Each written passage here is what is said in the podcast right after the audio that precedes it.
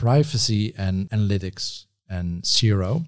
I think after our session, hopefully everyone is aware of why this is important, and this is important for everyone.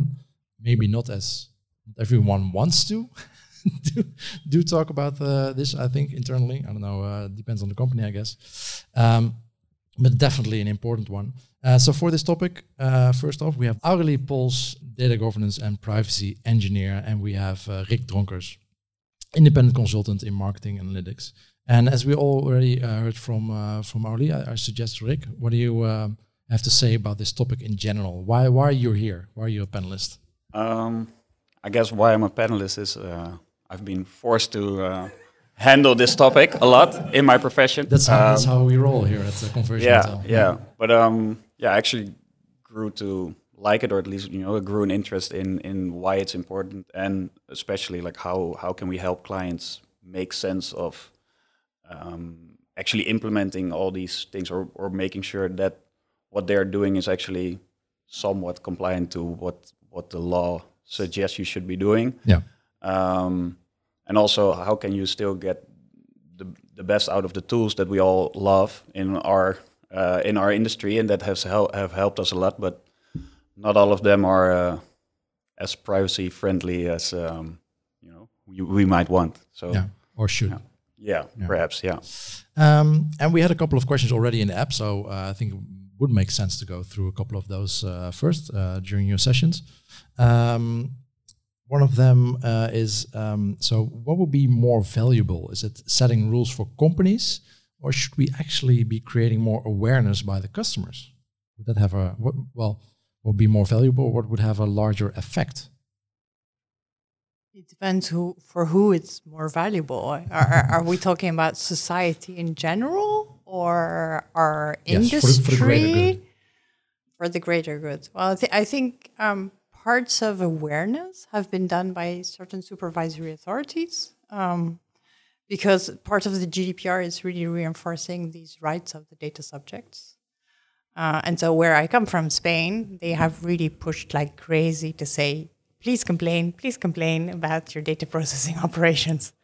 So, I have templates if you want in Spanish uh, for everything, which is totally amazing. So, incentivizing people to complain. Absolutely. That's yeah, nice. Yeah, That's what to, all companies to, want. to yeah. to use their rights to privacy and to ask questions to companies to say, I want to understand what you're doing with my data, um, which is which is one of the objectives of the GDPR. So education of, of, of users of data subjects is, I think, for society certainly very important. I, I talk to my sister a lot. She lives in Amsterdam. She has an Android phone. She uses apps I would never download anywhere, but okay. Um, and and we have conversations, and she realized, you know, oh my God, Google is is reading my emails, and you're like, yeah, of course, uh, it's an OTT, an over-the-top service. It's not a telco, and it has no confidentiality obligations whatsoever. So what else is new, my dear sister? And she was like, she doesn't know what I'm talking about. Um, so clearly, yeah, education and, and for people to understand what the consequences are of how they use technology, um, because it's it's a bit like I compare it to cereals, boxes of cereals. Um, I don't know if you have children, Guido, but um, uh, one, but he's one year old. So oh, okay, it's fine. He's not able to do anything. yeah, so he, he's not allowed. Um, oh. but if they watch advertising, I will bet you anything that one of your kids will come and say, I want Cheerios, I want this, or I want that. And as a mother, you're like, no, you're not eating that, or once a week maybe, but this is not going to be your regular breakfast.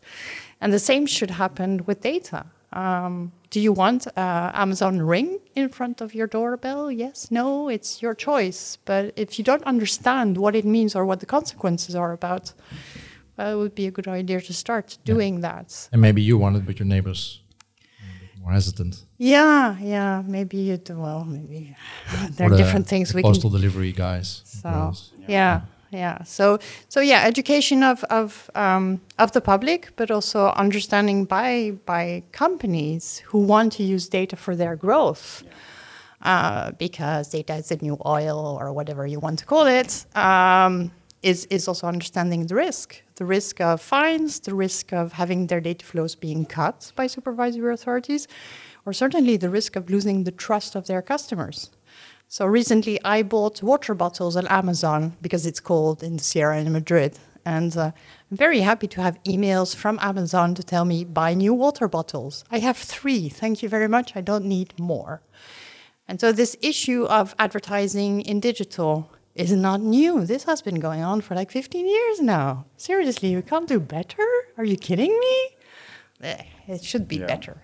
But I think it's also a little bit of uh, complacency of it has been easy to just implement tags and not maintain them and just accept the fact that you place this Facebook tag or Google tag and they take care of the rest. And that's how it has been. And there's a big gap between marketers operating advertising technology and the people who implement that technology.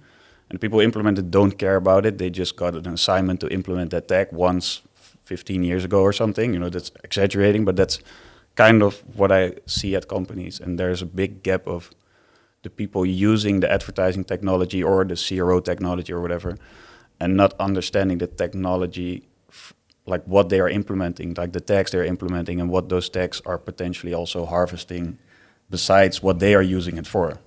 Yeah, it's it's also not easy because the, no, the vendors no, don't sure. make it easy. Yeah. Um, when you look at I don't know you know one of the product features um, customer audiences by Facebook.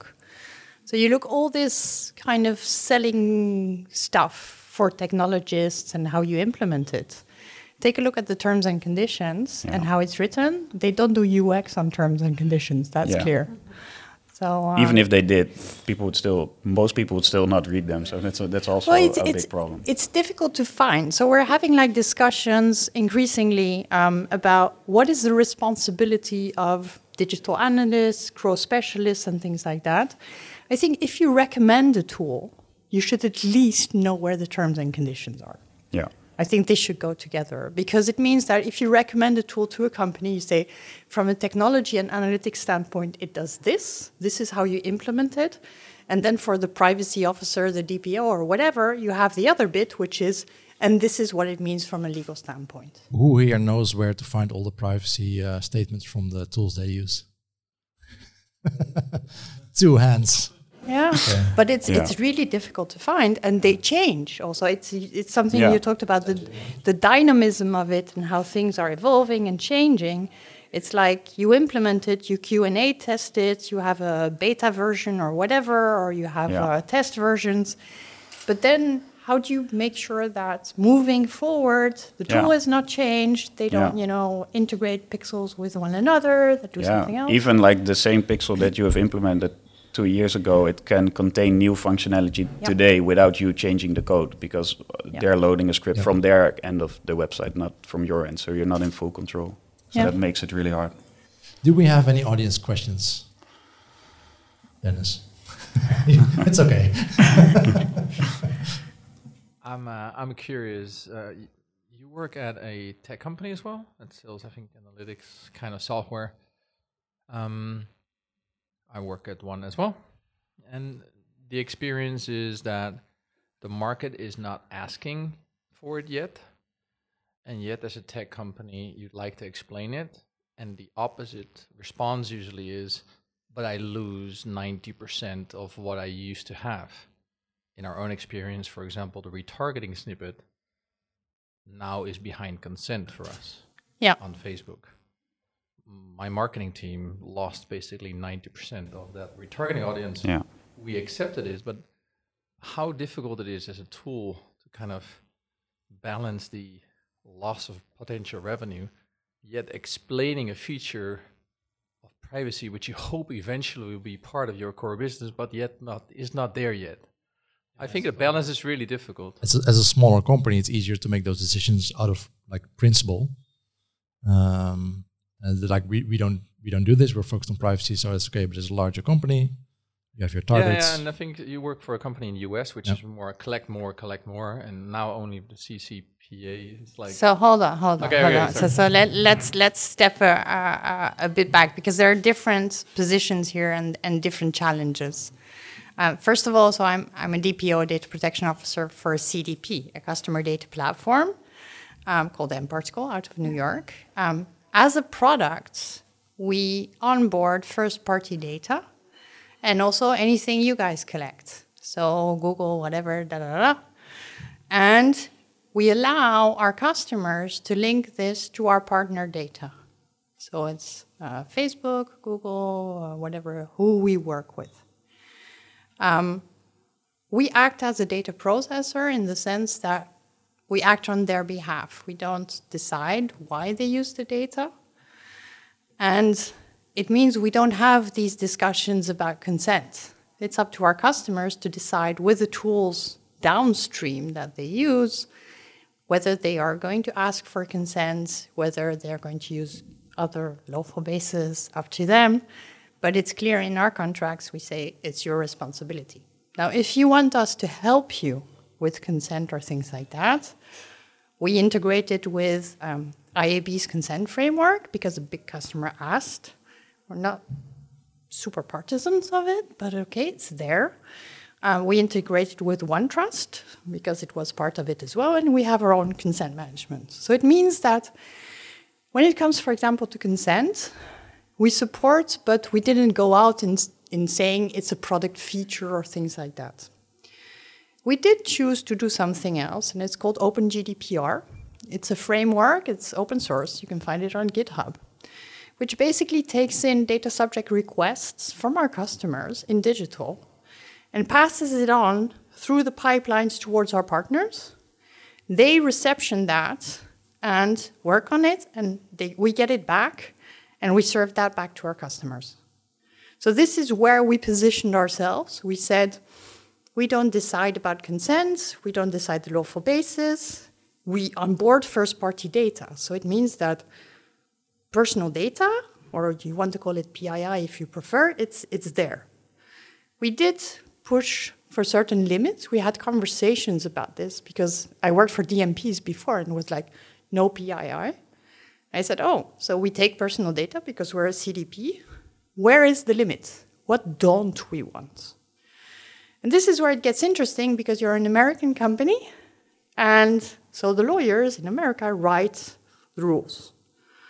And so the law is we don't want sensitive data. Okay? So sensitive data under US law is social security numbers, financial data, and health data. It is not union membership, racial discrimination, um, um, religious preferences, or things like that. It's not the same definition as the GDPR.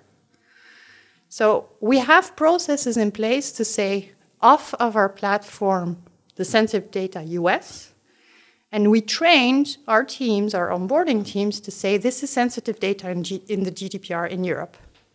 Anything that touches from far or close on this, you escalate. So I have an open door policy. I get questions from the C- CSMs and things like that. And we make decisions based on what type of client it is, what the contracts say, how they've been redlined we sometimes send emails back to say, could you please confirm that this is what you want? We escalate it towards certain apps to say, we think you're not compliant. Could you please make sure? And where they write back by saying, we are compliant. So I have that written. If somebody says that that company is not doing what it should, I said, I know, but they told me they would, and it's inside our contracts. So from a technology perspective, it's a balance between what kind of features do I develop? Do I decide to work on OpenGDPR? And this is where mParticle was in 2016. And how do I hedge in terms of contracts? What's interesting now, for example, is OpenGDPR was used by our, our European customers and is now being opened for CCPA because it's not very different. It's just notion of sale and things like that. But we are using the GDPR as a baseline to upgrade with potential other legislations that are coming in. So we're, we're very heavy on mobile. Um, and so we get questions like Is there any privacy legislation in Africa? You bet your ass there is privacy legislation in Africa, and they will have little details that will have to append onto the platform. And then it's a cost benefit discussion, but we realize that everything we built in 2016 now in 2019 makes total sense for CCPA. So it's it's betting on the future to see okay how far does it go. Obviously, if I ask for features that are extremely expensive, the CTO is going to smile and say, "I love you very much already, but no." We also had another question. Um, I think uh, Rick, you might be able to answer. Um, if you're a CRO specialist working at a company, and uh, you, you've been uh, deep diving in this uh, a bit more, um, but if my boss doesn't really care about privacy, if my clients don't really care, why should I care? Um, yeah. Besides, uh, why were you incentivized to do this? I think besides besides your own like moral compass, like as long as you're Yeah. you're good with what you're doing, I guess um, you know you yeah you could do whatever and you can bypass all current technologies, ITP, ad blockers. Like for everything, there is a potential solution to track anyway. Yep. Um, so and then I think like, like she already mentioned, like then it becomes a risk reward kind of thing. Like if you know if you are comfortable with the risk uh, you're taking of not complying with a law potentially, Yeah. then for sure you can you can bypass ad blockers. You can extend cookie lifetime past what ITP is doing. You can bypass what Firefox is trying to do. For sure, there there are solutions to all of those. I think uh, the question was partially. I think that's that's how I read it. Like, okay, if if no one, if my boss doesn't care, my client doesn't care, would I be personally responsible for this? Is is it? I mean, not a lawyer don't play one on the internet so i have no idea like if you perhaps if you as a consultant do that probably the company is still at Yeah. fault like the company who hires you to do it they make the Exactly. decision to do it yeah. Mm, but for future reference if you do that and the, and they get caught and you know they get a fine because of you then maybe your future consulting services might might get some damage from that yeah But it's interesting because it it it um, it, it touches upon um, criminal liability, basically you as an individual, um, which is where we're not. We're not. We're talking about liability of a company, and they could get fined and things like that. The only person I hear about where there's a discussion around criminal criminal liability is Alexander Nix. oh yeah And seriously, these discussions are not going away. Um, so he might like be a pretender to pot- potential legislation coming up, Yeah. which but it's not it's not there, and it won't be for the next year or Yeah. more. So. Depends on your level of influence in the company and the decisions that are made there. No, it's it's never for the moment. These fines are company related. They will not never be about an individual. so the answer is you're safe go do it yeah. Go A brand reputation, as as you highlighted, brand reputation is something Yeah, else. yeah, for sure. Yeah, I, I do think like that's something to think about, right? If you Yeah, if you yeah. go full black hat, like in the SEO world, there are also black hat people who are, well, yeah, they have a certain reputation, and if if that's how you want to make your money, then that's up to you. But uh, Yeah, yeah. The the interesting thing is also I, I don't know what your background is, but I'm not a lawyer. Me neither. No, okay. and it it means that we're less. Um, I think we're less skitty about giving advice and putting ourselves out there. The lawyers are very much, you know. And here's a disclaimer. Well, I work with a lot of American lawyers, but you're like, come on, guys. That doesn't could- help. Yeah. can we please move forward? Yeah. And I do understand their liability, but you know, we need to have straightforward conversations yeah, about I do think that's an important point, though. Like I help a lot of companies who try to become like compliant. So a lot of things have to do with the cookie banner, uh, and then the first question they ask me is, you know, what, how should we configure it? And then I'm also hesitant to give like a definitive advice. I'm like, okay, th- these are websites that are comparable to you that have it configured, and this is how they configured it. Yeah. But yeah, I'm I'm not a lawyer. I'm not going to say you have to have the marketing thing on or out, or you know, think about it, decide for yourself. I can help you configure it and make it all work, and actually make all your scripts listen to the cookie banner, which most websites don't do. They just put up Yep. a Yes. cookie banner and they just fire all cookies without you giving consent. But yeah, what the choice that you're going to make in that, yeah, that's. Yeah. I think Yeah. in in the end, the company should should invest in that and make and make that decision. Yeah, Okay. that, this is where my position as DPO um, facing the CMO was pretty easy. It was like the conversation started very simple. It's like, I'm your DPO. I do not want any tracking tools. I suppose you want everything. So now let's have a conversation and find the middle ground in Yeah. terms of risk. So, but I started there. It's like, I don't want anything on the website. Yeah. That's what we want to hear, CRO specialist, right? No tracking. Uh, any questions? Uh, we have this legislation in place quite some time now, uh, but we don't really see effect of it in the sense that if you look at the top 20 of Dutch websites, everywhere you see cookie banners which are not compliant very clearly. Uh-huh. Do you know why no Yes. action is taken? Or Yes, I do know. Do you want the answer? yeah, So um, the GDPR came into force um, in, in May 2018. Um, uh, but there's another piece of legislation you might have heard about. It's called e-privacy, uh, which is currently a directive and is continuously in discussions to be a regulation. Uh, the Finnish presidency talked about it yesterday again. Um, so we'll have to see when this comes out. Um, the specificity of e-privacy is that it touches upon any kind of um, inference there would be with a device that you own.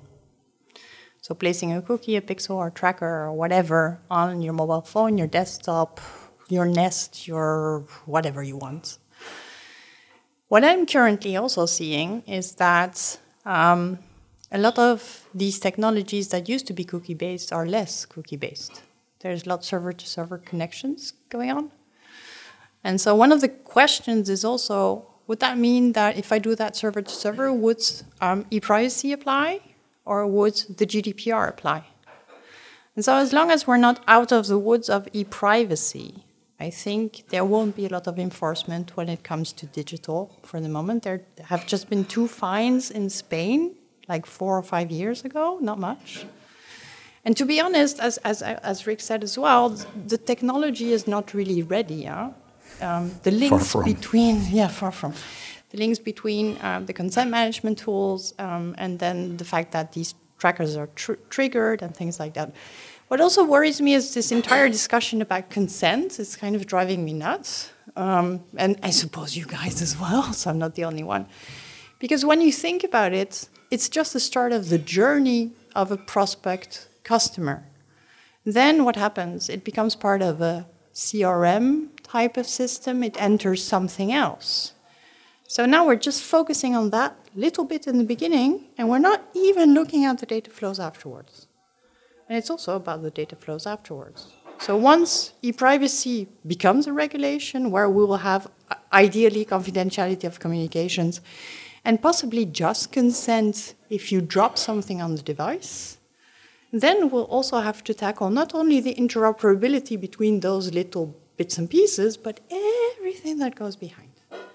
So there's a lot of work to be done, certainly. And there's a there's a nice website actually. Uh, it's uh, enforcementtracker.com. Yep. Uh, you can see the fines that are um, being handed out, um, and they definitely get higher and higher and more and more. yeah. Yep. Uh, specifically for Spain, I was just looking that we now have 16 fines in Spain, uh, ranging from 900 euros uh, to 250,000 euros. So there's quite some. Um, so you you might use that as a resource, saying, okay, uh, what are my competitors or is someone being fined in my industry? If not, then I can just go.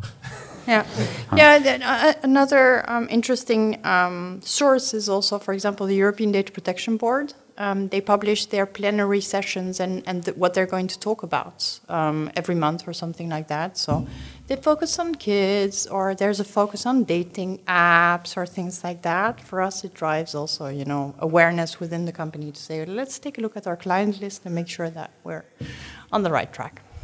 But to your point, there has been some activity in the Netherlands, like uh, I think three months ago or something. A lot of the Dutch big publishing houses all got letters from uh, the Autoriteit Persoonsgegevens about cookie walls being not Not sufficient. n- not, Not working compliant. at all or not Yeah. implemented the, the correct way. So there is, uh, well, at least there is some activity, but um, yeah, that seems to be it so far. Do we have a final question from the audience? Yeah, I do have one question. How do you guys personally feel about um, data collection? So I can imagine on the one hand, we have marketers who are very enthusiastic about all the innovative stuff that we can do. On the other hand, we have, for example, Amnesty, who this week released a report saying uh, Facebook and Google are violating our human rights. But how do you guys personally feel about that? Okay, I have a straightforward answer. So I love data by default. Um, and I read this article, um, and I would call it potty data in The Guardian, about the fact that as women we queue in toilets a lot.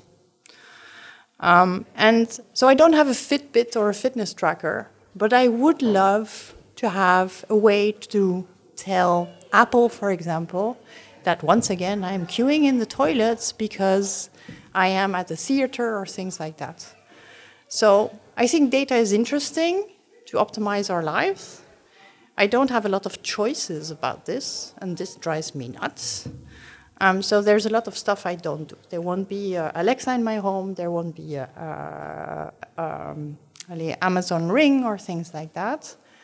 But if I see the use of it, I will. I think you also can get addicted to data, and I think that's dangerous. So we should also educate people about that. Maybe I'm not getting this because I'm a man, but you want to tell Apple that you're queuing for the toilet because us women we spend a lot of time queuing in the toilets because we spend a lot more time in the toilets and usually there's the same amount of toilets for men and women at any kind of events oh that's what you want to use the data for so yes ah, so okay. i want to Got surface it. that problem this kind of discrimination against women when you have a very busy life between your kids your work and your career i, I don't think they need data for they can just look at the lines and then they don't need to. That's also data. Yeah, fair enough, fair enough. But you don't need your phone. Pers- you don't need personal. True. You can just have a um, footfall meter. I don't know what the English word is. Well, there, the, the, interesting thing is there are standards in the UK. So there was an article about yeah. potty data. Seriously, it, is, yeah. it exists. There are standards in the UK that actually push